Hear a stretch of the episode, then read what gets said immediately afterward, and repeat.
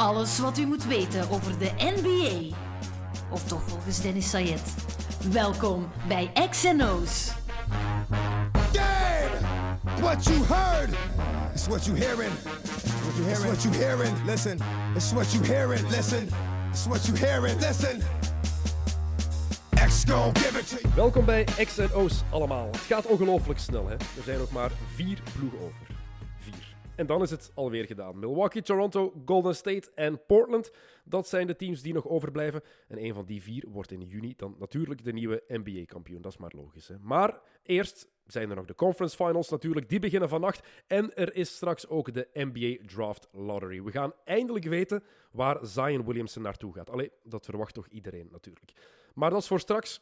Of voor gisteren of eergisteren, als u hier later naar luistert. En dat zou ergens ook wel logisch zijn. Het is dinsdagavond 14 mei hier en ik heb een hele fijne gast voor u vandaag. Een gigantische NBA-liefhebber, ook dat is wel logisch, anders zou hij niet op deze podcast komen natuurlijk. Maar ook iemand die jullie allemaal sowieso kennen. Uh, vorige zomer leidde hij de Rode Duivels nog mee naar de halve finales. Damn you, Frankrijk en Samuel Umtiti. Doet nog altijd pijn. Um, hij won titels met uh, Racing Genk, Atletico Madrid en Chelsea. En is nu de keeper van een van de grootste clubs. En volgens velen de grootste van de wereld, Real Madrid. En dan heb ik het natuurlijk over Thibaut Courtois. Een van de vele rode duivels die zot is van basketbal en van de NBA. En kan je ze ongelijk geven? Natuurlijk niet. Zeker niet na wat we dit weekend weer hebben gezien. Kawhi en CJ. Damn. Uh, Swat, daar sowieso nog meer over in onze babbel. Want hier is hij, de enige echte Thibaut Courtois. Thibaut Courtois, welkom op uh, de XNO's podcast. Uh, het is ons eindelijk gelukt. Hè? Het zat er al even aan te komen, maar eindelijk ben je, ben je hier geraakt. Inderdaad, ja. eerst en vooral, hoe gaat het? Goed, goed, goed. Hè? Prima. Bijna het einde van het seizoen, dus... Dus ja, uh, voor ons bijna vakantie. Uh, voor de NBA nog een volle, uh, zijn nog een volle actie, maar voor ons bijna gedaan. Ja. Wat, wat zijn je plannen eigenlijk in de vakantie? Ja, ik heb nu eerst twee weken dat ik vrij ben. En dan hebben we nog even een weekje nationale ploeg. Dus misschien in die eerste twee weken dat ik misschien wel één match van de NBA Finals wil gaan kijken als dat lukt. Oeh. Oh, je, ma je, maakt me echt heel jaloers daarmee. Ik kan dit jaar zelf niet gaan, want ik moet het Belgisch basket doen. Uh, dus ja, dat valt niet te combineren, spijtig genoeg. Maar um, ja, wat denk je dat het gaat worden eigenlijk? Ik spring, ik spring er een beetje op vooruit, want we gaan nog over genoeg dingen praten. Maar ja, de conference finals beginnen ja, komende nacht. Uh, het is uh, dinsdagavond hier, dus komende nacht beginnen de conference finals. Er zijn vier mogelijkheden. Hè? Wat denk je, wat wordt het? Tja, ik denk dat de finale toch Golden State-Milwaukee wordt. Maar Tja, ik weet niet. Ik denk uh, het zal vooral zijn in de, in de finals wie uh, de Greek Freak kan uh, afstoppen. Hij, na Game 1 tegen Boston, waar hij, toch heel veel werd afgestopt, opeens toch nog een extra sprint heeft gezet en ja, opeens on, onstopbaar is. Hè. Dat is niet normaal. De coaching natuurlijk, dat helpt ook. Uh, Boedenholzer, geweldige coach. Um, wat een verschil met vorig jaar. Um, ik hoop voor jou wel eigenlijk dat het Toronto Golden State wordt. San Francisco en Toronto leukere steden om te bezoeken dan Milwaukee. Ik spreek het ervaring. Ja. niks verkeerd bedoeld, niks tegen Milwaukee, maar uh, uh, toffere steden dan dat. We gaan daar straks over verder gaan. Um, eerst zou ik het eigenlijk met jou over het, ja, het voorspelbare hebben. Opnieuw een voetballer die zot is van de NBA. Er zijn er uh, zoveel. Ik heb hier al Brecht de Jager, Jannik Toelen en Mats Rits. Zijn al op de podcast geweest, omdat zij zo van de, van de NBA houden. Um, waar komt dat bij jou eigenlijk vandaan? Ja, weet je, ik denk, uh, maar vroeger keek ik altijd wel graag naar de basket. Mijn broer basketten ook toen hij klein was. Is nu terug begonnen, maar gewoon met vrienden op provinciaal niveau in Limburg. Maar ik denk ook gewoon, ja, ik denk dat dat ook aanspreekt. Ik denk die NBA, dat is iets, iets, iets, iets leuks. Uh, ik, allee, ik ben ook uh, nu bij in de tuin een halfcourt aan het maken. Dus, is het echt? Ja. Alright. En dus, is het echt beton dat je laat, laat laten, wat is het, gieten dan? Of wat voor veld komt er? Ja, in Londen had ik een soort uh, plastiek. Dat was niet slecht, maar ik vond dat daar, als, ik, als het zo'n beetje ja, gedouwd had of in de winter zo, als het een beetje nat was, was dat toch gevaarlijk voor blessures. Dus, dus hier is het ja, een soort beton waar ze dan zo nog een laagje op doen. Dus dat wordt wel een mooi veldje. Oké, okay, zalig. Ik wist niet dat het al van zo jongs af aan eigenlijk was dat je basketbal volgde. Waarom heb je het zelf dan nooit gedaan eigenlijk? Ja, ik heb het een beetje gedaan. Uh, in initiaties toen ik 5, 6, 7 jaar was ongeveer. Maar dan met 8 ben ik dan uh, bij Genk begonnen. Dus ben ik gestopt met volleybal. Ben ik gestopt met, uh, met andere sporten. Ik tenniste toen ook nog, maar ook mee gestopt. Dus, dus ja, ik denk wel dat pas uh, dat ik echt die NBA League pas en zo zal pas sinds ja, zes, zeven jaar zijn dat ik echt meer s'nachts ook in zo'n volgen was. Mm. Um, en ik denk ook een beetje ook begonnen zo het jaar dat ik naar Atletico de, de kampioenschap won in 2014. was ook zo het jaar Golden State zo heel onverwachts die, die, die titel pakte. En dat was ook zo'n beetje zo wat ja, leuke leek naar Golden State. Ik zeg niet dat dat mijn absolute lievelingsploeg is. want ik heb niet echt zo één ploeg die voor mij er echt uitsteekt. Maar het is toch wel een, een leuke ploeg om naar te kijken ook. Ja, het is vooral wat ik, waar ik het moeilijk mee heb met het Golden State gedoe. Ik vind het ook een fantastische ploeg om naar te kijken. Maar heel veel mensen kunnen daar niet meer objectief naar kijken. Hè? Omdat ze zoveel succes hebben gehad de, de voorbije jaren. En omdat Kevin Durant erbij is gekomen er is zoveel haat voor die ploeg gekomen. Ik vind dat jammer, want de schoonheid van hun spel is er wel nog altijd. Hè. Zelfs nu nog, en je zag het vooral in Game 6 tegen Houston zonder Durant, was het weer het Golden State van in het begin. Hè. Balletje laten rondgaan. Clay en Steph, die de absolute spelmakers zijn. Heerlijk om te zien, toch? Ja, het is een heel ander uh, spel wel als, als Durant speelt of niet speelt. Maar hij is natuurlijk ook zo goed en zo clutch dat, uh, dat ja, het soms moeilijk is om hem de bal niet te gunnen.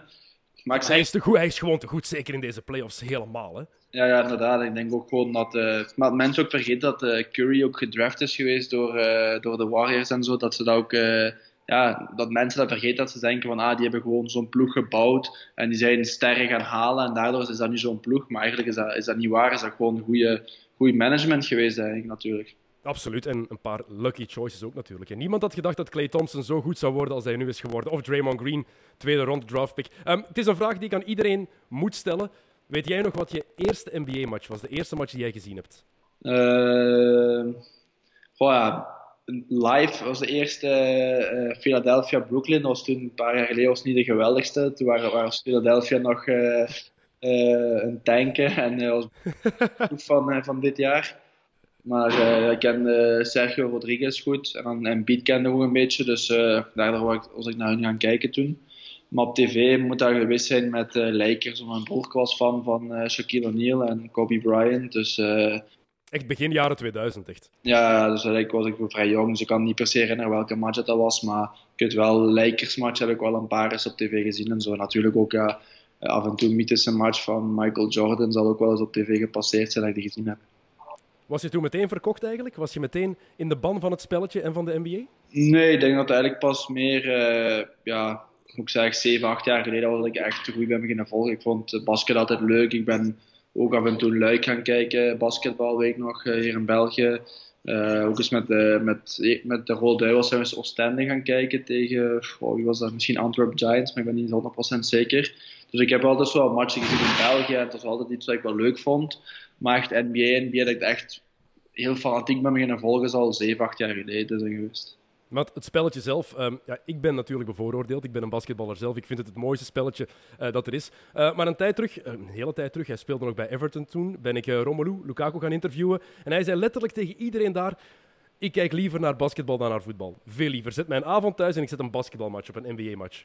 Hoe is dat bij jou? Ja, ik denk dat ik het ook wel kan hebben. Oké, er is een verschil tussen, goh, tussen Phoenix Suns opzetten tegen... tegen Chicago dit jaar of zo.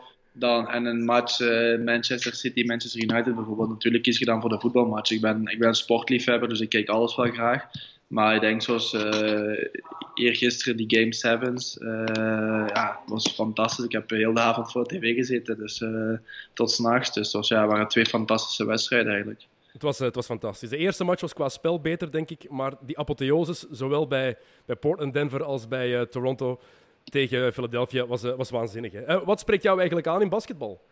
Want je hoort van heel veel voetballers, wat hen het aanspreekt is dat het nooit stil ligt. Het blijft altijd gaan en er zijn constant mogelijkheden, omdat je ja, binnen de 24 seconden, die bal moet lossen, dat het tempo er wel altijd in zit.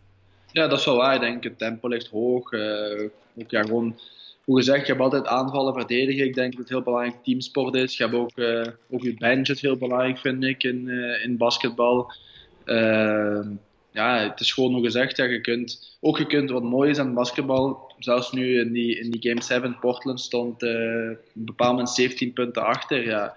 Uh, eender wie die dat ziet, zegt van, ah, oké, Denver gaat winnen. En uh, ja, je kunt ze heel makkelijk remonteren. Kijk, Golden State, die tegen de Clippers 31 punten voor stonden en een slechte tweede helft spelen, en die verliezen nog. Dus dat is ook het mooie aan basketbal, dat er altijd een match is en dat het nooit op de laatste seconde. Je kunt, ja, hoe vaak heb ik al niet gezien dat er in de laatste, er zijn nog 15 seconden te spelen en opeens uh, wordt er een verschil van 6, 7 punten nog opgehaald door, ja, door drie punten dan fout maken, free throws missen, weer een goede gameplan, shot binnen en dat is het mooie natuurlijk eraan. Mm, want je hoort altijd, in voetbal kan alles. Ik heb altijd het gevoel dat dat in basketbal nog meer het, geval is. Oké, de Champions League heeft alles natuurlijk verpest op dat vlak, want heeft je bewezen dat er comebacks constant mogelijk zijn.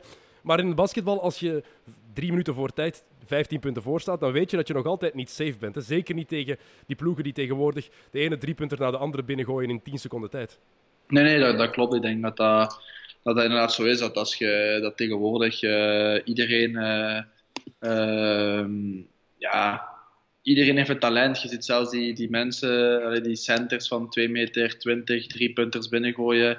Ja, dat is, uh, daardoor kun je nu niet meer iemand openlaten, want je weet dat op minstens een paar drie punters die komen in een ritme en opeens ja, is het verschil nog maar 6, 7 punten en dan is weer alles opeens nog, nog mogelijker. Dus ja, dat is het mooie natuurlijk. Maar die evolutie in het basketbal is straf. Ik heb het daar met Anne Wouters een paar weken geleden nog over gehad. En Vroeger zag je een big guy, 2 meter 14, 15, zoals Shaquille O'Neal. Je had het daar net even over. Die zette zich aan de blok, balletje inside, go to work. Ja. Wat ze nu kunnen, Kevin Durant is even groot. Hij is 2 meter 14 en die gast speelt als een kerel van... Jij bent 1,99 zeker? Ik ben 1,96. Als jongens van onze lengte in de NBA. Dus dat zou eigenlijk niet mogen kunnen. Ja, dat, dat is eigenlijk het... het oké, sommigen zullen dat jammer vinden, sommigen zullen dat chic vinden. Oké, ik ben niet de ik ben niet gespecialiseerd, ik heb het spelletje niet professioneel gespeeld, dus ik kan natuurlijk niet zeggen uh, of die evolutie voor sommigen fijn is of niet fijn. Maar ik vind wel, dat maakt het spel nog onvoorspelbaarder. Je kunt een beat van 2 meter en 20 kun je niet meer openlaten, want die, die schiet ze binnen. Uh, daarnaast het verrassend dat iemand als Ben Simmons in een wedstrijd nog altijd geen drie punten heeft gemaakt. in opwarmingen uh, al video's heb gezien dat hij er ja, een hele cirkel maakt met uh, allemaal made three-pointers. Dus ja, dat is wel ja, dat maakt het soms wel speciaal.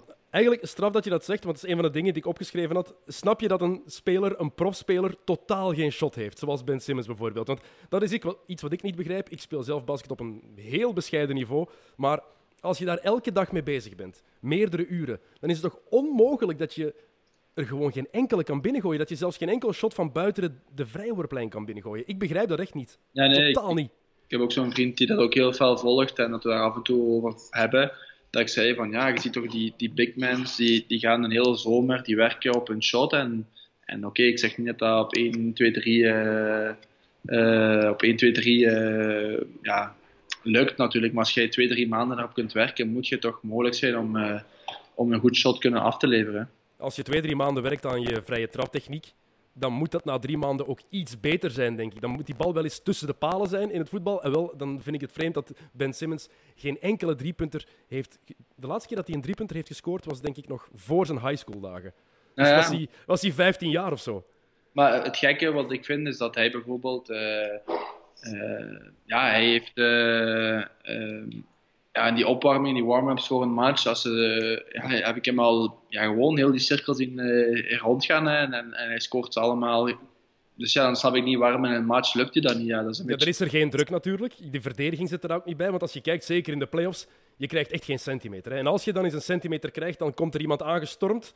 Dan weet je dat je moet opletten voor je enkels, want ze springen er gewoon overal naartoe. Dus die druk is daar natuurlijk wel extra. Maar ik ben het met je eens. Ik vind het vreemd dat hij ook het niet hij lijkt het niet te durven soms.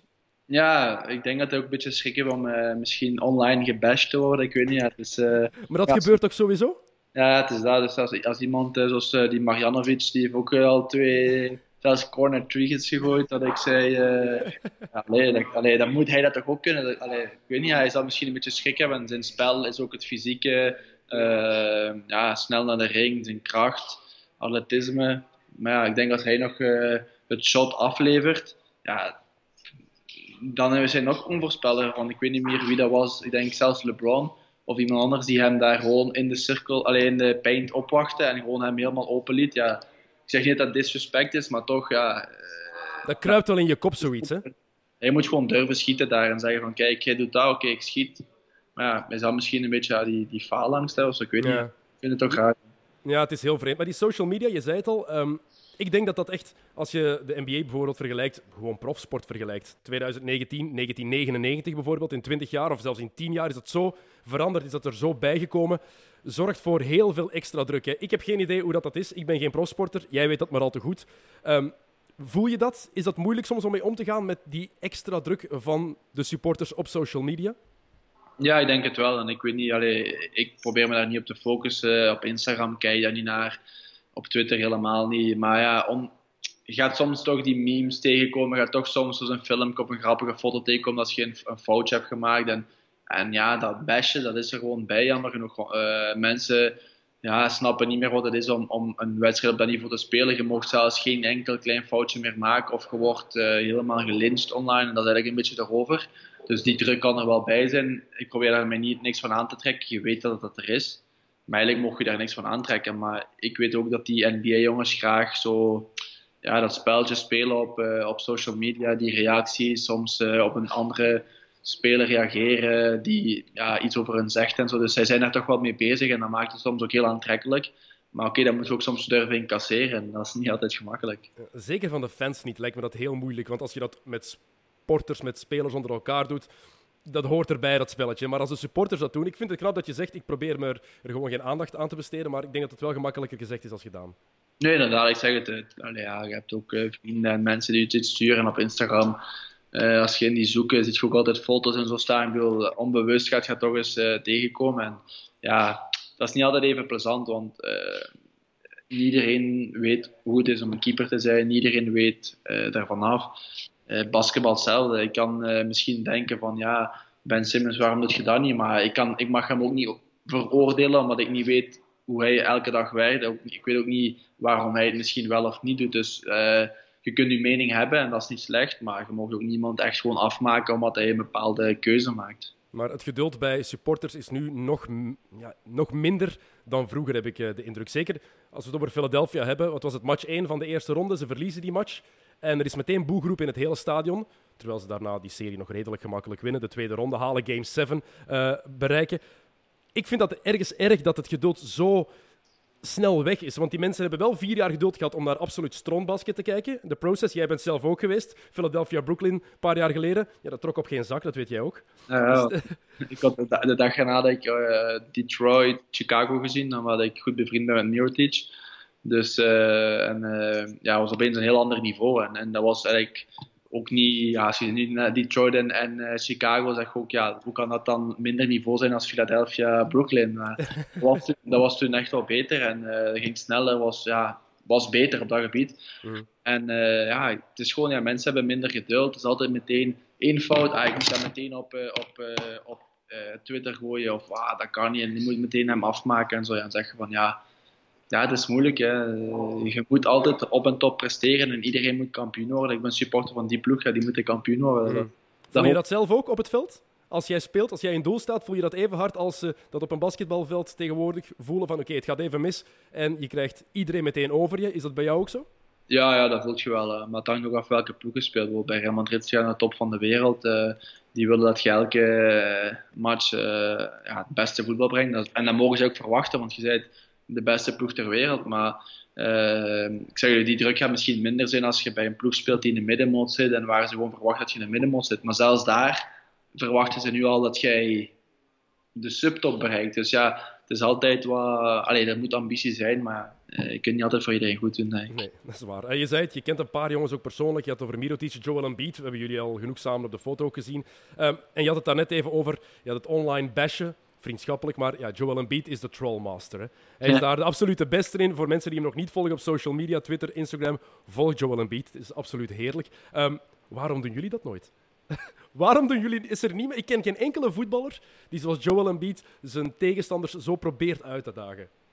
Nou, ik denk uh, schrik door die backlash een beetje. Ik denk uh, Michi Batshuayi is wel iemand die, ik weet niet of hij dat zelf doet of niet, um, ja, die, die antwoorden ook zo'n beetje op supporters en zo. En, en dat brengt iets leuks. Uh, ik denk, je moet daar ook je, persoonlijkheid voor hebben. Ik denk, sommige mensen hebben zo'n persoonlijkheid waar dat, dat, kan, ze dat kunnen doen en sommigen hebben dat niet.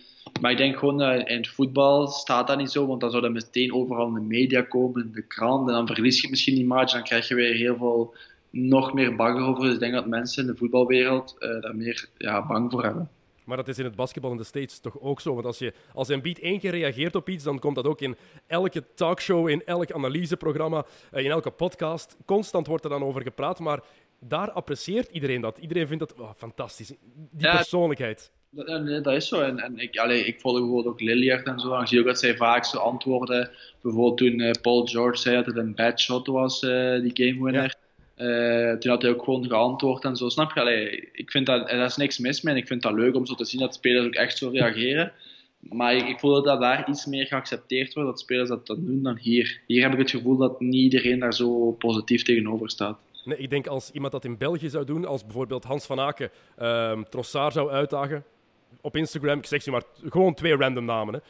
Ik denk dat de pers het daar hier veel moeilijker mee zou hebben dan in de States. Dat het echt een heel groot verschil zou zijn van hoe ze daarmee moeten omgaan. Het hoort ook veel meer in die Amerikaanse cultuur thuis. Hè. Dat trash talken, dat hoort daar echt bij. Hè. Ja, dat is wat ik bedoel. Hier gaat meteen aan, hij heeft geen respect voor de tegenstander. En uh, ja, er wordt meteen iets veel ja, dat zou veel breder uitgesmeerd worden en op een minder goede manier. Daar wordt dat op de manier gebruikt om die talkshows, om nog een beetje fuel te gooien, om een beetje die, nog, die match nog extra interessanter te maken. En hier zouden ze niet hebben over dat, ja, een beetje die, die rivaliteit, maar hier zouden ze meteen hebben gebrek aan respect, dat dat niet zou mogen. En, ja, dat is zo... Ik zeg, dat is een cultuur en zij hebben die cultuur, dat, dat, ja, dat kun je ook niet veranderen. Dat maakt de NBA en ook bijvoorbeeld de NFL zo mooi ook, vind ik. Omdat zij zo die ja, die, die manier van leven, werken, van spelen hebben. Um, maar je denkt, als het op trash talk aankomt, dat voetballers op het veld ook meer dan genoeg shit tegen elkaar verkopen. Ben ik heilig van overtuigd dat dat echt uh, even hard gebeurt. Het, kan, het, ding is gewoon, in het basketbal, ja, je hoort dat ook vaker. Het is een kleiner veld, allemaal dichterbij. In het voetbal heb je veel meer de kans om sneaky dingen te zeggen, denk ik. Ja, dat is waar. Je moet gewoon je, je mond voor je, je hand voor je mond houden. Ehm, maar ja, ook in NBA, hoe vaak zijn spelers mic'd up? Snap je? Dat zijn ook van die extra ja. wat in het voetbal ja, ook zouden mogen kunnen gebruiken. Ik bedoel, die mic, dat is niet dat dat tegenwoordig, dat is iets, iets kleins, dat voelt je niet, dat gaat je niet beïnvloeden. Uh, ja, ik denk dat dat ook een extra cachet geeft. En dat is fijn als je zo iemand ziet coachen op een veld. Ik zeg, je moet niet per se, als je dat kunt geven aan een, aan een topspeler, zoals een Ramos of zo, als je ziet wat hoe zijn ploeg aanstuurt, wat hij allemaal zegt, ik denk dat dat wel interessant is. En oké, de dingen die misschien niet gezien mogen worden, ja, die zullen ze eruit uh, knippen. Dat doen ze altijd. Dat doen ze altijd. Ze knippen dat er nu al uit. Maar zouden, zouden voetballers dat zien zitten, denk je? Want in de NBA is het zo aanvaard, dat hoort erbij. Iedereen die nu in de NBA komt weet, it's part of the game. Ik denk dat in het voetbal dat veel moeilijker zou zijn. Ja, maar eigenlijk alles is ook, eh, als je innovatief wilt werken en je wilt misschien ja, meer kijkers aantrekken, meer ja, ook iets laten zien. Als jij, stel iemand is maakt tijdens een match en er is een bepaalde fase, uh, hoe mooi zou het zijn dat zij meteen, of twee minuten later, als je daar hebben gezuiverd, ja, kunnen laten zien wat heeft die speler gezegd op die fase. Snap je? En dat, dat brengt, voor tv brengt dat toch iets heel, helemaal extra. En dat is, dat is het mooie natuurlijk. Maar ik ben pro hoor. Ik denk alleen dat er heel veel voetballers zijn die het niet met je eens zijn. die het niet zouden willen. Dat, dat, kan goed zijn. Ik bedoel, als je dat een, hoofdtrainer uh, geïnterviewd wordt uh, na een kwartier bijvoorbeeld in basket, uh, dan gaat je in voetbal ook niet meer snel zien. In België zijn er nog interviews tijdens de rust voor spelers. In Spanje en Engeland is dat helemaal uit, uit de boze. In Spanje heb je nog na de match op het veld een interview. Dat heb je zelfs in Engeland niet meer. als dan meteen in de catacombe. Ook wel snel na een match. Maar ja, ik zeg jullie, dat hangt ook af van land tot land, van tv tot tv. Maar ik denk op bepaalde manieren kun je het wel nog aantrekkelijker maken. En zo dingen in bepaalde matchen kan een, een pluspunt zijn. Maar gezegd, ja, niet, niet elke voetballer zal dan nu akkoord zijn natuurlijk. Um, die NBA-spelers die jij kent, um, Nikola Mirotic, ik veronderstel dat je die kent. Hij heeft bij Real Madrid gespeeld, heeft daar ook gewoond, dat je die van in Spanje kent. Maar hoe ben jij eigenlijk in contact gekomen met Joel Embiid bijvoorbeeld, met die mannen? Ja, Embiid was toevallig bijvoorbeeld, ik ken ook Larry Nance Jr. goed, dus uh, ook hoe wij graag uh, basket zien, zien zij ook graag voetbal. Dus bijvoorbeeld Larry Nance was een, grote Chelsea-supporter en uh, die heeft al twee jaar op rij nu een tour gemaakt. Die komt vijf dagen naar Engeland en die doet daar ja, United tegen die ploeg, Chelsea tegen die. Dus, oh, ja, dus, uh, dus eigenlijk rond toevallig. Ja, ik ben geïnteresseerd in basket, dus ik volg hun bijvoorbeeld op Twitter en zij volgen terug. En soms ja, zeg je misschien iets en dan komt je aan me praten. Zoals met Embiid, met Larry Nance. Uh, Mirotic ken ik via een vriend van mij die, ook, allee, die ook een van zijn beste vrienden is. Dus uh, ja, als Milwaukee nu zo doorstoten, zou, ja, zou ik misschien dan uh, één dag of zo naar daar gaan. hoe gezegd niet langer, want die stad is natuurlijk niet geweldig. Maar, Het is vlakbij Chicago, dat is een voordeel. Milwaukee is vlakbij Chicago. Drie uurtjes rijden en je bent in Chicago en dat is absoluut de moeite. Dus dat is dan het voordeel. Uh, maar het is, het, is, wel tof, het is wel tof dat het zo, die, die kruisbestuiving, om het dan zo te zeggen, dat die daar is. En van Joel Embiid weten we dat natuurlijk. Die gast heeft gevoetbald tot zijn zeventiende. Dan is hij pas beginnen basketten. En dat is iets wat ik straf vind. Uh, hoe je op je zeventiende voor een sport kan kiezen en daar gewoon zo meester in wordt. Want als je kijkt naar de foto's van Embiid in college bij Kansas, skinny boy, had belangen niet de skills die hij nu had. Het is waanzinnig hoe een gast zich zo snel kan, kan omvormen tot een topper in een sport. En ik zie het in het voetbal niemand echt doen. Op je zeventiende beginnen en dan een paar jaar later in de, in de Premier League of bij Real Madrid spelen. Ik zie het niet gebeuren. Nee, inderdaad. Ik denk dat voetbal ook de techniek dat ook echt in je moet zitten. Dat je daar ook echt heel lang mee moet bezig zijn. En voetbal, we hebben geen off-season van drie, vier maanden waar je op kunt werken. Als je ziet, uh, Antetokounmpo ook, uh, als je hem vergelijkt met drie, vier jaar geleden, was hij ook een heel skinny boy. Hij was ook niet niks aan die weet. Ik denk, basket is ook heel atletisch. Uw, uw strength uh, Oké, techniek is ook belangrijk natuurlijk en, en, en je skills, maar ik denk ook basketbal is ook heel atletisch. Als je heel atletisch sterk bent, zult je al een bepaalde positie zoals Embiid al een voordeel hebben. Als je dan nog werkt op je skills, ja, dan kun je een topper worden. Ik denk, ik zie niemand op, uh, op een ja, regionaal of provinciaal niveau voetballen tot zijn zeven, of uh, basketten tot zijn zeventiende, die wel wel kan voetballen. En dan opeens zeggen van ja, ik ga, ik ga voetballen. En opeens een ploeg die haalt. En dan opeens zit je topper. Ja, dat, ja, die kans is heel klein. Maar ik denk ook in basket, ik zie ook niet direct iemand... Zo heel veel mensen dat ook niet doen. Ze. Hakim Olajuwon was zo iemand. Um, Janis Antetokounmpo is ook redelijk laat pas echt goed begonnen. Um, ik vind dat maf. Ik blijf dat maf vinden. Um, en ik heb zelf van, mijn, van kleins af gebasket. en dan begrijp ik dat helemaal niet. Vooral dat je top wordt, dat je prof wordt. Oké. Kan gebeuren. Maar absolute top zoals Embiid nu doet en Hakim Olajuwon voor mij de beste center ooit. Ik, ik, kan, daar echt, eh, ik kan er echt niet bij dat het, eh, dat het mogelijk is. Um, heb jij Embiid eigenlijk gehoord na die uitschakeling? Nee, ik denk dat uh, ook zo sociale media en zo... Ik heb zijn nummer wel, maar... Uh, hij, hij, die, ja, ik heb van die spelers die tijdens die playoffs echt helemaal oud gaan. Hij heeft ook een foto gepost, that time again, en dan I'm out. Dus hebt ook spelers die echt die sociale media dan afsluiten en ook niks posten. Dat vind ik ook slim natuurlijk. Uh, en ja, ik weet na de vorige match was, het toch, uh, was hij toch confident dat zij uh, konden winnen. En ze waren er dichtbij. Ik denk, de shot dat Kawhi neemt is, is een geweldig shot en dan een beetje lucky bounce. En... We gaan het er meteen over hebben, want Embiid was heel emotioneel na die uitschakeling, maar wat een einde. Um, Kawhi Leonard, hij bewijst het gelijk van Masai Ujiri. Daarom laat je de Mar Rosen gaan. Daarom gok je op één jaar voor een superster. Want dat is hij, Kawhi Leonard, een van de vijf beste spelers in de NBA. Een superster, want je hebt de kans om een titel te winnen. En dat hadden ze niet met de Rosen. En dat verschil is zo merkbaar. Als je hem ziet op het veld, de impact die hij heeft is gigantisch. Hè? Nee, dat ook. Vooral defensief vind ik ook. Hij is enorm sterk. Uh, uh, heel veel steals, heel slim, heeft enorme handen, blok. Uh, ja, hij, hij verdedigt goed, dus ik denk ook dat hij al een paar keer, één of twee keer tot beste verdediger van de league is uitgeroepen. Uh, maar ook offensief, ja, de drie punters heeft hij. ja, dat is een heel complete speler. En ja, hoe gezegd, veel mensen hebben de, de, de ja, Toronto een beetje gek verklaard door hem voor één jaar te halen, want dan is hij een, een, een free agent. Maar ja, wat hij nu laat zien voor Toronto is voor Toronto goud natuurlijk. En de vorige jaren werd heel snel gesweept met uh, Lowry en de Rosen. En dit jaar is dat toch anders. Dus uh, ja, straf. Je wist met die mannen ook van, hier gaat het niet echt mee lukken. Hier ga je geen kampioen mee spelen. En ik denk dat een, een fanbase, zeker die van de Raptors... Dit, dat shot van Kawhi Leonard was het grootste moment in de geschiedenis van hun club. Hè? Het grootste moment. Die club bestaat van 1995.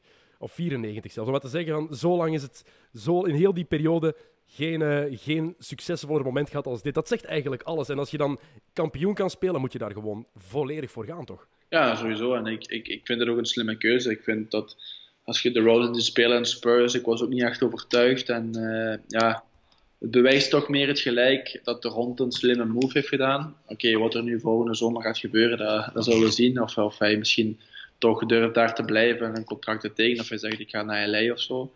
Uh, maar ja. De Clippers, de Clippers zouden het worden. Ja, ik ben benieuwd. Allee, natuurlijk heeft hij het recht, hij is free agent. Dus uh, maar ja, voor Toronto doet hij heel veel. En ja, ik denk Toronto, ik vind dat wel een chique, chique ploeg. Ik heb altijd zo, zo'n match, als, als ik weet dat Toronto spelen, is dat een match waar ik altijd graag opzet. Ik denk uh, altijd leuke fanbase ook, uh, fijne matchen, leuke sfeer en zo. Dus ja, ik zeg het, ik denk dat ze ook kwaliteit hebben om in de finale te geraken. Maar ik, ik zie niet meteen, tenzij Marcus Sol, als hij goed verdedigt, dan de Kumpo, maar dat zal toch niet makkelijk zijn, denk ik. Nee, vooral ook omdat je merkte in die vorige match, zeker op het einde, niemand durfde de bal nog bijhouden. Het was hot potato. Het was de bal krijgen en meteen terug afgeven. Siakam was daar het mooiste voorbeeld van. Elke open kans die hij had, gaf hij meteen op. Ja, en dat was zo iemand die in de vorige ronde uh, ook veel punten durfde te nemen. En nu, ja, uh, hoe gezegd, gisteren, alleen gisteren, uh, had hij een open drie. En die schoot hij niks in van. Hè? Is, dat wel, is dat wel die of is dat nu een andere speler? ja, ja, ik denk dat dat is het mooie aan playoffs. Dat is opeens tijdens het jaar, ja, dat zijn een matchje verliezen is geen ramp. Uh, ik mis een shot, oké, okay, kan gebeuren. Maar in playoffs, als het tight is, ja, durven de, ja, dan, dan komen de echte toppers naar boven. Hè. Als je Durant ziet, bijvoorbeeld Curry in Game 6, dat hij dat eerst zelf een drama, uh, dramatisch eerst zelf speelt, tweede helft, top. Ja, daar komen eigenlijk de toppers naar boven. Dat maakt playoffs ook zo mooi. Hè? Um, ik vind het iedereen die echt vast in het voetbal zit, haat playoffs. Tenminste, zij vinden dat niet eerlijk en omdat het niet bij die sport hoort. Nu, in België is het er al tien jaar. Jij hebt er ook eentje meegemaakt en je hebt die meteen gewonnen. Uh, toen met Genk in 2011. Het is een heel ander systeem natuurlijk dan het in de NFL is en in de NHL en de NBA. Het is niet die, die toernooivorm, ook in de MLS is het echt met een bracket. Maar toch, ik vind dat heel waardevol, omdat je dan, wat je net zegt, de echte toppers, die onderscheiden zich dan. En die laten zien van, hé, hey, als het moet, staan we er ook. Ik vind dat wel eerlijk. Ja, natuurlijk in België, uh, waar, waar ze het meeste problemen mee hebben natuurlijk, is die puntendeling. Dus gedeeld door mm twee. Ik denk als je in België een play-off zou spelen en uh, pak nu, je pakt de eerste acht en, en je maakt dan zo'n bracket en je laat Genk spelen tegen de achtste. Ik weet niet wie achtste is geworden in België dit jaar, maar... Uh, en je laat het zo doen heen- en terugmatch, of je doet bijvoorbeeld best of three. Dus Genk heeft thuisvoordeel, dus die beginnen thuis, uit en dan misschien eindigen ze weer thuis ik denk dat het ook heel interessant kan zijn. Natuurlijk, als jij een heel seizoen. Uh, maar oké, dan verandert je seizoen ook. Dan weet je ook dat het niet belangrijk is om eerste te worden op het einde van het seizoen. Misschien wel voor je thuisvoordeel, maar niet meer voor. Uh, als ik nu zesde ben, oké, chill. Ik kan misschien een paar mensen een, twee weken laten rusten omdat uh, ik ze niet nodig heb. En dat, dan zou het ook interessant maken. Dus ik denk, allee, de spanning die er dit jaar in België is met de play-offs, is ook iets heel moois. Hè. Ik denk, uh, ook in Amerika, ik denk uh, dat dat ook in het voetbal werkt. Dus. Exact mijn voorstel voor de play-offs in België. Echt, wat jij net zegt, ben ik al, ben ik al jaren aan het zeggen van, dit moet er komen. Ik heb het er met Filip Joost, denk ik, twee jaar geleden op deze podcast ook over gehad, van, dat zou het toch zoveel interessanter maken. Maar ja, zwart, um, de puntendeling, ja, zullen toch wel herzien. Kampioen worden op basis van uh, een echte finale. Hè. Als je, ik zeg met Stel dat uh, het zou uitkomen dat Genk Brugge zou zijn, gespeeld uit, uh, ja, thuis uit en dan nog eens thuis. Ja, dat is, uh, dat is, natuurlijk, dat is natuurlijk heel mooi. Hè? Dus, ik weet niet. Absoluut. Ik zien wat zij, wat zij gaan doen. Ik weet niet wat, wat ze in België wil doen met de play-offs. Ik denk dat het wel nog een extra spanning geeft aan het einde van de competitie. Want anders was Genk waarschijnlijk nu al al kan doen. En nu, nu is er toch nog die, ja, er is toch nog weer spanning, hè, omdat de Brugge terug dichtbij staat. Heerlijk toch? Ik, ik vind dat genieten. Uh, ik ga je niet vragen wie je denkt of hoopt dat daar kampioen gaat spelen, want ik weet je antwoord toch al uh, daarop. Um, bij de Rode Duivels zijn er ook heel wat NBA-liefhebbers. Je bent niet de enige. Uh, ik denk dat bijna driekwart van de ploeg wel van de NBA houdt. Kijken jullie eigenlijk samen naar basket soms als jullie weg zijn? Of wordt daarover gepraat? Of is dat iets dat gewoon iedereen individueel beleeft? Nee, er wordt over gepraat. En, uh, zeker als we zo op uh, natuurlijk EK of WK zitten, dan is die finals bezig. Dus daar wordt wel over gepraat. En Kevin, Benteke, Azar, Lukaku en ik weet nog dat er een, toen een match maar op het EK in Frankrijk, dat toen finale uh, Cavaliers uh, Golden State was. En dat we toen uh, allemaal samen op een kamer zijn gaan kijken. Ik, heb, ik ben toen in mijn kamer gebleven, maar sommige jongens zijn toen wel samen op één kamer die finale gaan kijken. Dus ja, ik denk dat dat wel leeft. En ja, zeker die, als je zo'n Game 7 ziet van een, van een finale, ja, dat is, wat kun je mooi hebben. Ik denk dat dat, dat, dat is een Champions League finale, dat is zoals ja, dan stop. Ja, helemaal mee eens. Wie is eigenlijk de beste Rode Duivel op het veld? En dan heb ik het over basketbal en niet over voetbal. Wie is de beste basketter van de Rode Duivels? je mag jezelf zeggen. Ik wil één wat ik vergeten was. Jori Tielemans, die heeft vroeger gebasket en die heeft echt een heel goed shot. Is het echt? Ik denk dat hij het beste shot van ze allemaal heeft. Oeh, oké. Moet ik eens gaan testen dan. Dat wist, dat wist ik echt niet. Dat is cool. Dat is cool. heb blijkbaar eh, tot eh 13, 14 of zo gebasket. Ik wil nu niet liegen, dus ik moet het aan hem vragen. Maar we Uh-huh. hadden zo, eh, vorige zomer hadden ze op in weken zo'n veldje, eh nou, een voetbalveldje, als een ring opgehangen. En Juri, je ziet echt dat hij die basketbal skills heeft, zoals als ik speel, of als eh, Romelu of Kevin. Kevin heeft ook een goed shot. Was meer zo, ja, een voetballer die, die basket. En je ziet wel, die kunnen dat niet wel goed, maar Juri had echt zo die, die, die basketball skills en moves in hem. Dus eh, eh, die had echt wel een goed shot, ja, ik denk. En Romelu is natuurlijk heel stevig, hè, dus die, als die eh, afkomt gedribbeld, is dat wel een trein à la LeBron, denk ik. Aanvallende fout pakken. Gewoon stilstaan op je borst pakken. Al zou ik Romelu niet graag in volle vaart echt vol op de borst pakken. Ja, dat, is, dat denk ik pijnlijk kan zijn. Ja, maar... Dus, eh, Juri Tielemans is de beste. Van alle Rode Duivels. Tja, weet je wel, 1 tegen 1 is natuurlijk moeilijk te zeggen, want ik heb natuurlijk mijn gestalte, dus ik zou misschien eh, eh, hem af en toe kunnen afblokken. Ik kan misschien sneller eh, voor een layup of een dunk gaan. Maar ja, ik denk dat Jury, Jury het beste shot heeft. Ja, dat is juist. Jij kan dunken. Was ik vergeten. Je hebt het inderdaad nog een paar jaar geleden gepost. Ben jij de enige van de ploeg? Dat weet ik niet, want ja, ik heb Ik, heb- ik merk altijd als ik met voetballers ga basketten, vrienden van mij die daarmee gaan basketten, en ook jongens die op het veld geweldig kunnen springen om te koppen, die echt een détente hebben, op het basketbalveld, dan lijkt uw coördinatie nergens op. Dat ziet er zo raar uit en dan raken ze daar met de bal niet. Dan denk ik, gast, je bent een meter 92, je kan daar geraken en toch lukt dat niet. Dat is altijd heel vreemd, vind ik. Ja, ik weet niet. Ja, ik, ik, eh, ik kom er wel vrij goed aan. Dus op zich is dat geen, eh, geen probleem. Ja, dus ik heb die timing misschien wel om eh, ja, dat de bal in de lucht. Als je, ja, die, dat is een andere timing als, als, als koppen natuurlijk. Koppen is een, is een andere beweging. Is ook met je, met je hoofd. is niet met de hand of arm gaan. Dus eh, ja. Wat voor speler zou jij zijn als je basketballer zou zijn? Of zou je willen zijn? Zou Kevin Durant zijn. Dat zou je willen zijn. Ja, nee, maar eigenlijk als je denkt, ik ben, ik ben twee meter. Ik had eh, Curry gezien in Chelsea en wanneer was dat? Het was, was dat vo- vorig jaar of twee jaar geleden? Ik ben nu niet 100% zeker. Ik denk vorig jaar. Mhm. Eh, ja, die is ook niet veel kleiner als mij. Hè. Dat, is eigenlijk het grappige. Hè. En NBA je soms iemand zoals Curry, denk je, "Ah, dat is maar een kleintje. En dan zie je meter 95 of zo, dan denk je, oké, ik heb me vergist. Maar nou, nee, ik weet niet, denk... eh, Een shotter, ik- driver, kracht gebruiken inside. ja, als ik, als, ik, eh, als ik met vrienden speel, vorig jaar deed ik soms pick-up games in Londen met eh, een vriend van mij, die speelde zo, maakt die ploesjes van, eh, van vijf en dan als, eh, na een aantal punten, eh, wie de eerste zeven punten had of zo, die, dan wisselden we met een ander ploesje en dan zo spelen. En daar was natuurlijk center natuurlijk, ik bedoel, dan was ik de grootste van, Ja. van die, die hoop, dus dat is ook, hangt ook een beetje af van wie je speelt, maar ik kan ook wel een drie punter scoren en zo, ik vind dat ook wel fijn. Maar ik zit ook wel graag in de paint. Dus. Want jij moet ook echt, zo voor je bent doorgebroken als keeper, moet jij ook echt om de vijf botten de vraag gekregen hebben: ben jij een basketter? Basket jij? Want wij krijgen, de, de lange mensen krijgen dat altijd. En ik ben die vraag eerlijk gezegd al kotsbeu. Ik wil niet weten hoe vaak Thomas van de Spiegel dat krijgt. Maar heb Ja. jij dat ook vaak gehad? Ja, de, de mama van mijn kinderen, eh dus mijn ex, die, eh, die toen ze mij leren kennen, dacht ze ook dat ik een basketbalspeler was. Voilà. Toevallig eh, diezelfde dag ergens waren ja, basketballers van, van Madrid of zo, weet ik veel. Die waren ergens, dus ja, ze dacht misschien dat ik daarbij hoorde of zo. Dus, eh, maar onlangs had ik Willy Hernan Gomez, die ken ik ook, en, en Juan, Juanjo, die ken ik wel allebei van hier in Madrid. En eh, ik had Willy onlangs gezien, dus dan staan we met twee grote langs elkaar. Ja, je moet die mensen zien kijken. Ja, dat is wel...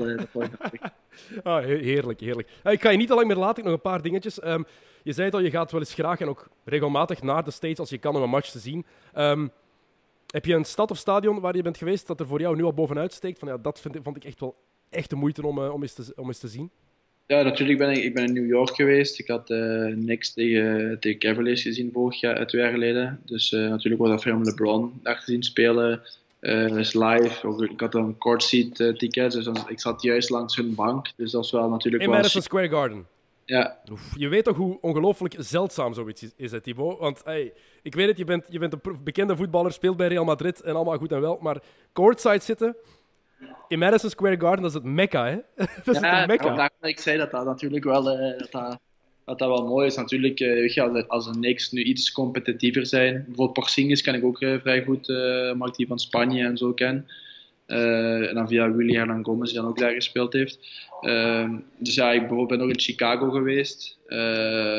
en Chicago heeft natuurlijk die, ja, nog altijd een beetje die uitstraling van het tijdperk van, van Jordan natuurlijk. Je voelt dat, hè, als je daar binnenkomt. Als je dat stadion binnenkomt, dan... Want ik ben daar, wat is het, vijf jaar geleden geweest voor het eerst in United Center. En ik ben opgegroeid als Chicago Bulls-fan. En dat heeft inderdaad nog iets... Die magie, die hangt daar nog een beetje. Ja, dat, dat zwart-rood. Uh, je ziet... Ja, het is, je voelt echt nog wel dat je denkt van... Ah, hier heeft Michael Jordan dus... Uh, al die dingen gedaan. En dan denk je van, dat, is toch wel, dat is toch wel chic. En dan, ja, Philadelphia ben ik ook geweest. Dat was qua omdat die eigenaar is ook de eigenaar van Crystal Palace. Dus die, dus die man is ook meer voetbal, uh, ja, voetballiefhebber. Dus daar was misschien de receptie naar mij persoonlijk nog mooier en nog, nog plezanter. Maar eigenlijk qua, ja, qua stadion natuurlijk, Madison Square Garden, dat is iets... Uh, ja. ja, bij LeBron ga je niet met open armen ontvangen worden, want het is een Liverpool-man. Hè? Mede-eigenaar, wat heeft hij? 3%, 4% heeft hij, denk ik, uh, van Liverpool in handen. Eigenlijk maf, als je daarover nadenkt de beste basketballer van de wereld, die nog altijd speelt, is mede-eigenaar van een ploeg die in de Champions League staat. Ja, dat is zo, hè. Maar ik zeg het, ik denk LeBron op dat gebied wel een, uh, een heel slimme zakenman is. Ook met zijn uh, I Promise Schools in, uh, in Akron. Ik denk dat dat wel echt... ja, op dat gebied is echt wel een, een, een, een. Ik ken hem niet per se persoonlijk. Ik weet wel een beetje wat wat Larry Nance tegen mij gezegd heeft. Ik ken bijvoorbeeld die Zubac, kan ik gewoon niet naar Clippers is gegaan. Ja. Uh, daar praten we af en toe mee. Uh, die ook echt, ja, toch iemand die veel indruk op de personen maakt. Ook zijn work ethic en zo. Dus ja, ik zou toch wel ook nog eens graag een match van hem nog eens live te kunnen zien. Dus zullen is, zien. Is dat voor jou de beste die er is? Ja, dat is een moeilijke vraag natuurlijk. Eh, ik, ik vind van wel op sommige gebied, denk als je ziet hoe hij de Cavaliers eh, vorig jaar naar voren heeft getrokken naar NBA Finals, vind ik nog altijd ongelooflijk. Want uh, dit jaar zijn die als een pudding in elkaar gezakt. Uh, dus op dat gebied wel, maar iemand zoals Durant zie spelen met zijn 2 meter 14, ja, dat, dat, is onmogelijk om daar ook niet verliefd op te zijn. Ik denk dat dat iemand is die ja, met zijn lengte de, de shots die hij maakt, ook de, ja, dat is moeilijk tegen te verdedigen. Is iemand die zo groot is, dus wie zet je daar tegen? Want hij is ook nog heel mobiel, uh, hij heeft een shot, hij kan over iedereen heen gooien. Dus uh, als, hij, als hij in vorm is, dan heb je zelfs geen Curry of Thompson nodig. Maar nee, we spelen nu wel zonder hem natuurlijk. Um, in de conference finals, zeker match 1, match 2 mogelijk ook. Ook geen de Marcus Cousins. Um, ik ben heel benieuwd of ze het gaan volhouden zonder Kevin Durant. Ik denk het wel, want ook Portland is natuurlijk gehavend. Um, kant ter zijn schouder, hangt er half af. Oh. Uh, ja, Nurkic is out voor de rest van het seizoen. Die is nog 9 tot 12 maanden is hij buiten strijd. Ik denk dat de Warriors het gaan halen, maar ze gaan Kevin Durant wel echt missen. Want die was zo goed. Ik zie het wel na, mogelijk na zeven games gaan. Echt naar zeven zelfs? Ik denk, ik, ja, dat bedoel ik. denk dat zeven games gaat worden. Want ik denk dat... Uh, ja, ik vind toch. Uh, Oké, okay, Lillard was de laatste match tegen Denver niet, niet echt goed. Maar toen heeft CJ McCollum overgenomen. En uh, ja, die was ook heel goed. Dus ik vind dat zij twee enorm sterk staan te spelen. Natuurlijk, daarna hangt het vanaf hoe goed verdedigen zij daar tegen uh, de Warriors. En is Curry. Want Curry kan soms 40 punten maken uit de niks. 8, 8 3 punters op 10. Maar ook daar gaat hij maar 1 op de 13 binnengooien. Dus, maar het is wel, ik heb het gevoel dat Stephen Curry um, de meest onderschatte speler van de NBA aan het worden is. Um, er is zoveel haat tegenover die gast. Ja, ik weet niet. Je ziet, ik denk dat hij op nummer 1 staat van de meeste driepunters in uh, playoffs, als ik me niet vergis. Of in postseason. Uh, ja, hij is een enorme uh, shotmaker en, ook van ja, long distance en zo. Dus ik, ja, ik denk gewoon het probleem is als ze hebben zoveel talent. Uh, Thompson, Durant, uh, Cousins is nu kwets, dan hebben ze Green ook. Dus ja, dat, dat je soms die, ja, die protagonisme mist natuurlijk van wie...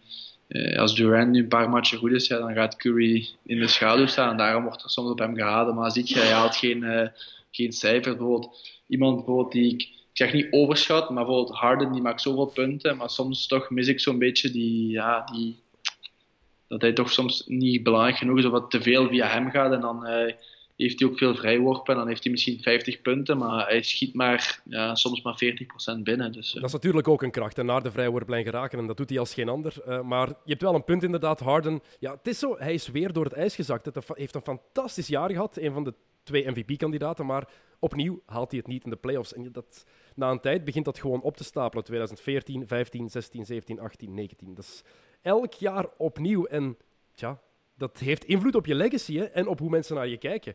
Want als het erop aankomt, dan lukt het weer niet. En nu bijvoorbeeld Game 6, Harden dat Houston naar de overwinning moeten leiden. Heel, zo simpel is dat.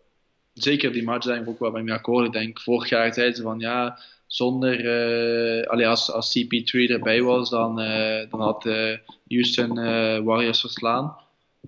Misschien, misschien niet. Maar dit jaar, ja, ik denk zonder Durant en met eerst zelf die Curry speelt, had, die, had Houston altijd de tweede helft moeten ja, winnen en, en eigenlijk gewoon die match moeten winnen. En is dat toch weer niet gebeurd. En dan heeft Harden uh, tijdens het jaar 6 of 7 50-point games. En zeggen van ja, zelfs ook die ene reeks van 30 of 32 wedstrijden boven de 30 punten.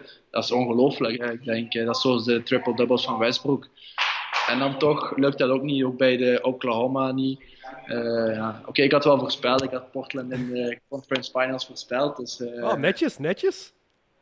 Die, die kant had ik juist, de andere kant had ik fout. Had ik Philly gezet en ik had toch gedacht dat Boston Milwaukee kon verslaan. Maar, maar ja, Boston. Boston is een trainwreck.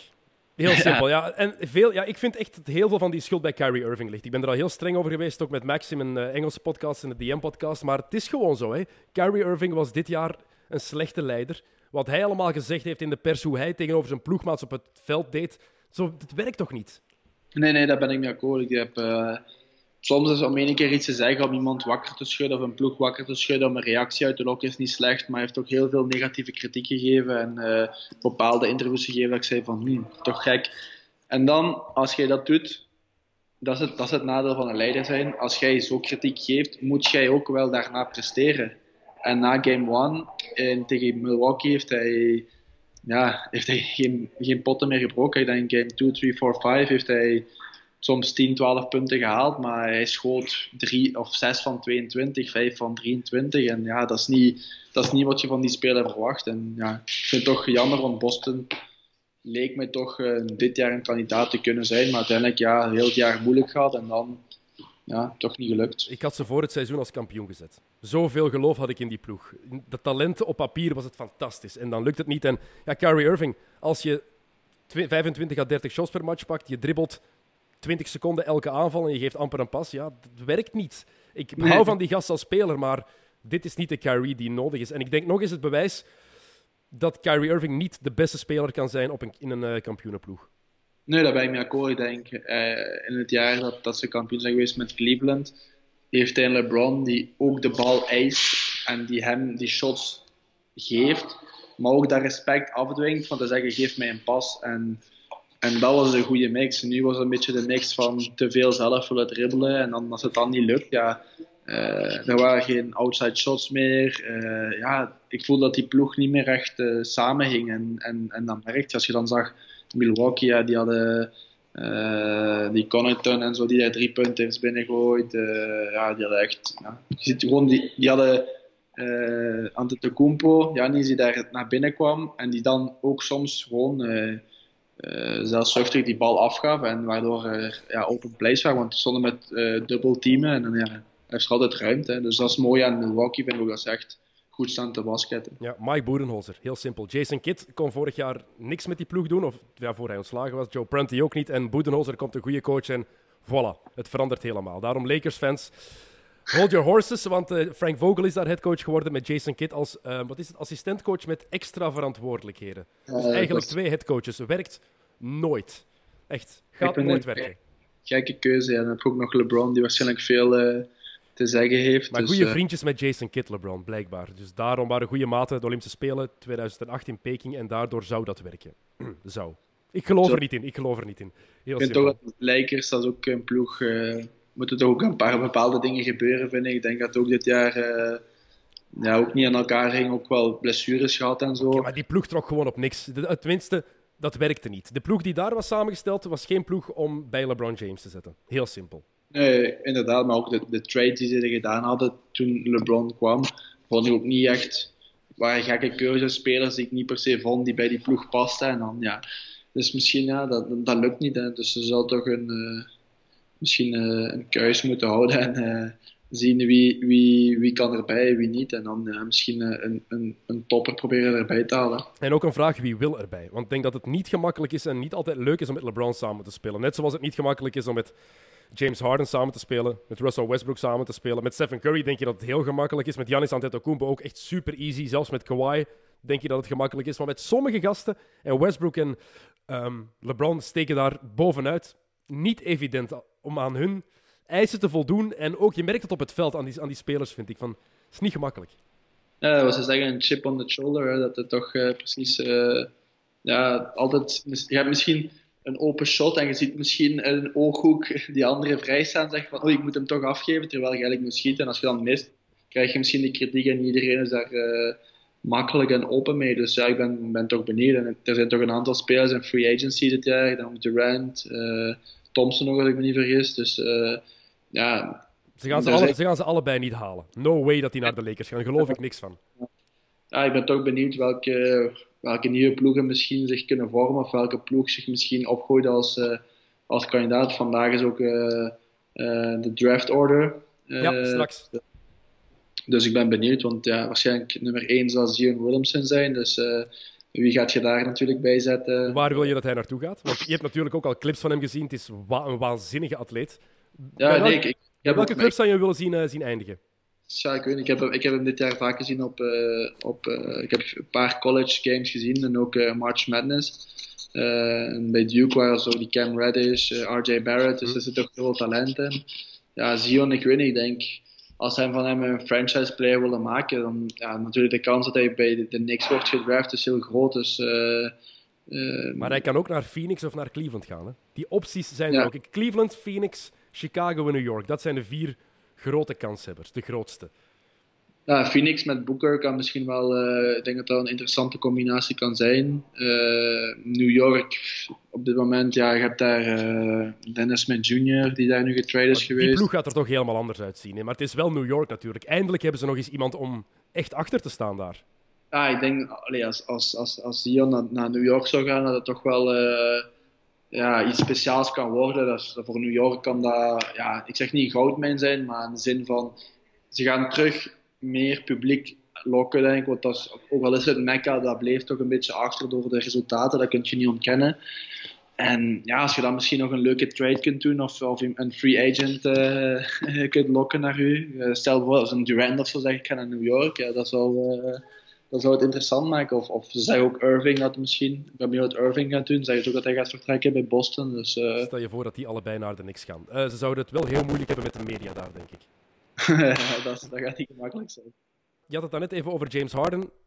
Niet helemaal van overtuigd, dus is hij jouw MVP dan ook niet? De playoffs stellen niet mee, hè? Het is enkel regulier seizoen. Ja, als je het regulier seizoen, ja...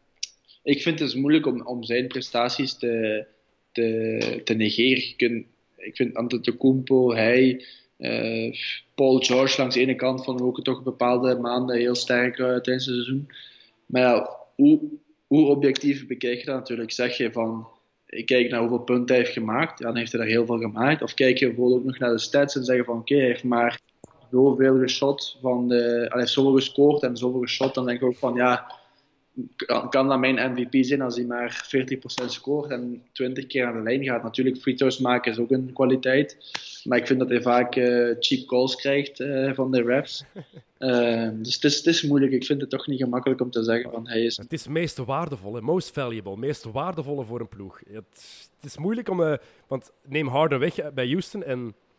Wat heb je nog over? Maar neem Janis weg dit seizoen bij Milwaukee en je hebt helemaal niks meer over. Hè. Het is die twee, wie het ook wordt van die twee, denk, je bent tevreden met allebei. Het mag één, ik ga niet kwaad zijn als het Janis wordt en ook niet als het Harden wordt. Het probleem is, zo gezegd, mensen we gaan misschien vergeten dat de playoffs niet meetellen. Als je nu de playoffs bekijkt, gaat je 100% zeker uh, Janis zeggen natuurlijk.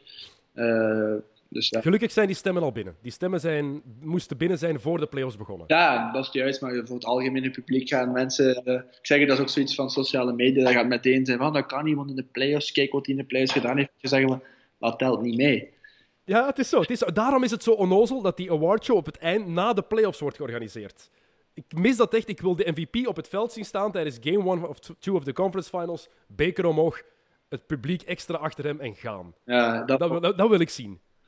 Ik, ik denk, ja, die, die awardshow is iets wat ze willen, volgens mij gedaan hebben naar de zin van bijvoorbeeld eh, de gouden bal in, in, in voetbal misschien. Een soort, ik denk dat het daardoor een beetje gecreëerd is geweest. En het is niet slecht natuurlijk, maar hoe gezegd, ja, eh, iemand het hard en wint, gaan mensen zeggen, van, ja, die gaan vergeten wat hij in het seizoen gedaan heeft. En dat is natuurlijk jammer. Mhm, heel jammer. Oké, laatste vraag, dan ga ik je laten. Ehm, ik heb het hier met Mats, met eh, Brecht en met Jannik ook over gehad. Welke dingen, welke regels of aanpassingen uit het basketbal zou jij graag naar het voetbal zien komen? Jannik Toelen bijvoorbeeld, die zou heel graag willen dat als je eenmaal je in het aanvallende vak bent, dat er een shotklok komt ook, of van een minuut of zo, en dat je ook niet meer terug kan Ja, over de middenlijn. Eh, ik was juist in dezelfde richting in denken, iets van een soort shotklok. Of, eh, ja, natuurlijk is dat niet gemakkelijk. Hoe defin- definieert je een shotklok? Eh, ja, als je trapt op doel natuurlijk, is dat natuurlijk afgelopen. Maar wat telt, eh, de keeper die die pakt of niet? Want je kunt, ja, als je dan de bal, als de tegenstander die even afpakt, ehm, daarna als je die terug verovert op het veld van, van zijn kant, hoe is dat? In basketbal is dat nu naar 14 seconden gesprongen, dus niet meer terug 24. Eh, maar ik denk dat het wel interessant is als je kunt zeggen van weet je eenmaal over de helft, dan mag je niet meer terug. Dus dat is wel... eh, maar hoe, hoe, hoe regelt je dat? Telt dat de bal? Tellen dat alle spelers? Dat, zijn zo van die... De bal. Het is altijd, in het basketbal is het altijd de bal. De spe- als speler mag je, je mag gewoon blijven staan waar je wil, maar de bal mag niet terug over de middenlijn. eh, dus dat is ik denk wel... ja, dat zal misschien wel eh, nog aanvallender maken, het voetbal, denk ik. Ik blijf erbij. Het belangrijkste wat er moet gebeuren in het voetbal uit het basketbal is dat de bal, als er een fout wordt begaan, de tijd stopzetten even. Dan mag het, de match mag ook minder lang duren. Twee keer 35 minuten bijvoorbeeld. Hè. Dat zou dan ook helpen. Wat gaat gebeuren? Dat je minder... eh, je gaat geen tijdrekken meer hebben, want dat is onmogelijk. Voilà. Dat is toch het ding waar de meeste mensen zich aan ergeren. Ja, ik denk dat het soms wel beter is, want bijvoorbeeld... Welke match was dat? Goh, onlangs hadden wij een match... Ah, in Vallecano hadden wij 1-0 verloren. Oké, we hebben niet, niet onze beste match gespeeld. Ik denk vijf of zes minuten extra tijd. Ik denk dat we daar twee minuten van gespeeld hebben. Door de wissels, door eh, blessurebehandeling. En ja, hoe gezegd, als je die... Als je, ik- denk dat ze daarom zouden beginnen dat die extra tijd echt speeltijd is, in plaats van zelfs toen met België-Frankrijk, eh, om daarop terug te komen op het WK. Ik denk ook die laatste vijf à tien minuten heeft Frankrijk die match zo doodgemaakt, wat een goed recht is natuurlijk. Maar als je daar zegt van telkens als er iets gebeurt, klok stil, is dat een heel ander gegeven natuurlijk. Dus eh, dat zou inderdaad... Ik word er nog altijd een beetje kwaad van, Thibaut, van daaraan te denken. Niet op, niet op jou, hè, maar op de Frans. Ik word nog altijd een beetje kwaad als ik daaraan denk. Zeker... Nou nee, we gaan er niet over beginnen. Ik al genoeg over gediscussieerd met Max, die ook hartzeer heeft met, de- met de, de Britten die eruit lagen. Maar ja, who, who cares about England? Who cares about, about England? Ehm, het andere voorstel van Daryl Morey, general manager van de Rockets. Zijn dochter, denk ik, voetbalt in de States. Dus hij gaat veel kijken. En hij vindt ook dat er allemaal dingen veranderd moeten worden. Moneyball en die gast is met al die data bezig. Ehm, en hij vindt ook bijvoorbeeld, de klok mag niet optellen, maar moet aftellen naar nul, zodat je ook geen extra tijd hebt. Dus de klok op moet stopgezet worden bij overtredingen en van bijvoorbeeld 35 naar 0 gaan. Het zou wel duidelijker zijn, Ja. ook voor de mensen in het stadion. Daar ben ik 100% mee akkoord. Ik denk dat als je aftelt, dat dat wel... eh, ja, hoe zeggen als het nul is, is het nul. Dat er, eh, dan is gedaan. En eh, heb je dan ook een, een eh, buzzerbeater? dat zou natuurlijk ook interessant zijn. Als er een trap op doel is, dan telt die nog als die geschoten wordt voor de... En zou de goal van Tottenham tegen Ajax geteld hebben dan? Dat vraag ik me af. Nee. Dat vraag ik me af. Net niet. Hè. Zie, voilà, dat was, heel, dat was mijn woensdag vorige week zoveel beter geweest. Oké, nog twee voorspellingen, dan ga ik je laten gaan. Eén, wie wordt er kampioen? En twee, wie gaat de number one pick straks krijgen? Wat denk je? Ik denk toch dat de Warriors kampioen worden. En ik denk dat eh, de Knicks eh, de number one pick krijgen. Ah, wel, ik denk exact hetzelfde. Echt waar. Patrick Ewing gaat naar daar, naar de lottery. En hij was de eerste number one pick na- eh, in de lottery, in het lottery era. Dus ik denk ook dat het dat gaat worden. Ik hoop het eh, alleszins. Oké, Thibaut, bedankt dat je Prima. op de podcast wilde komen. was, eh, was heel fijn. Eh, ik wens je heel veel plezier op je vakantie. En als je naar de finals gaat, ja, geniet ervan. Echt, Dat- geniet ervan. Sturen, hè. Absoluut, zeker doen. Alright. Merci, man. Graag gedaan. Ciao.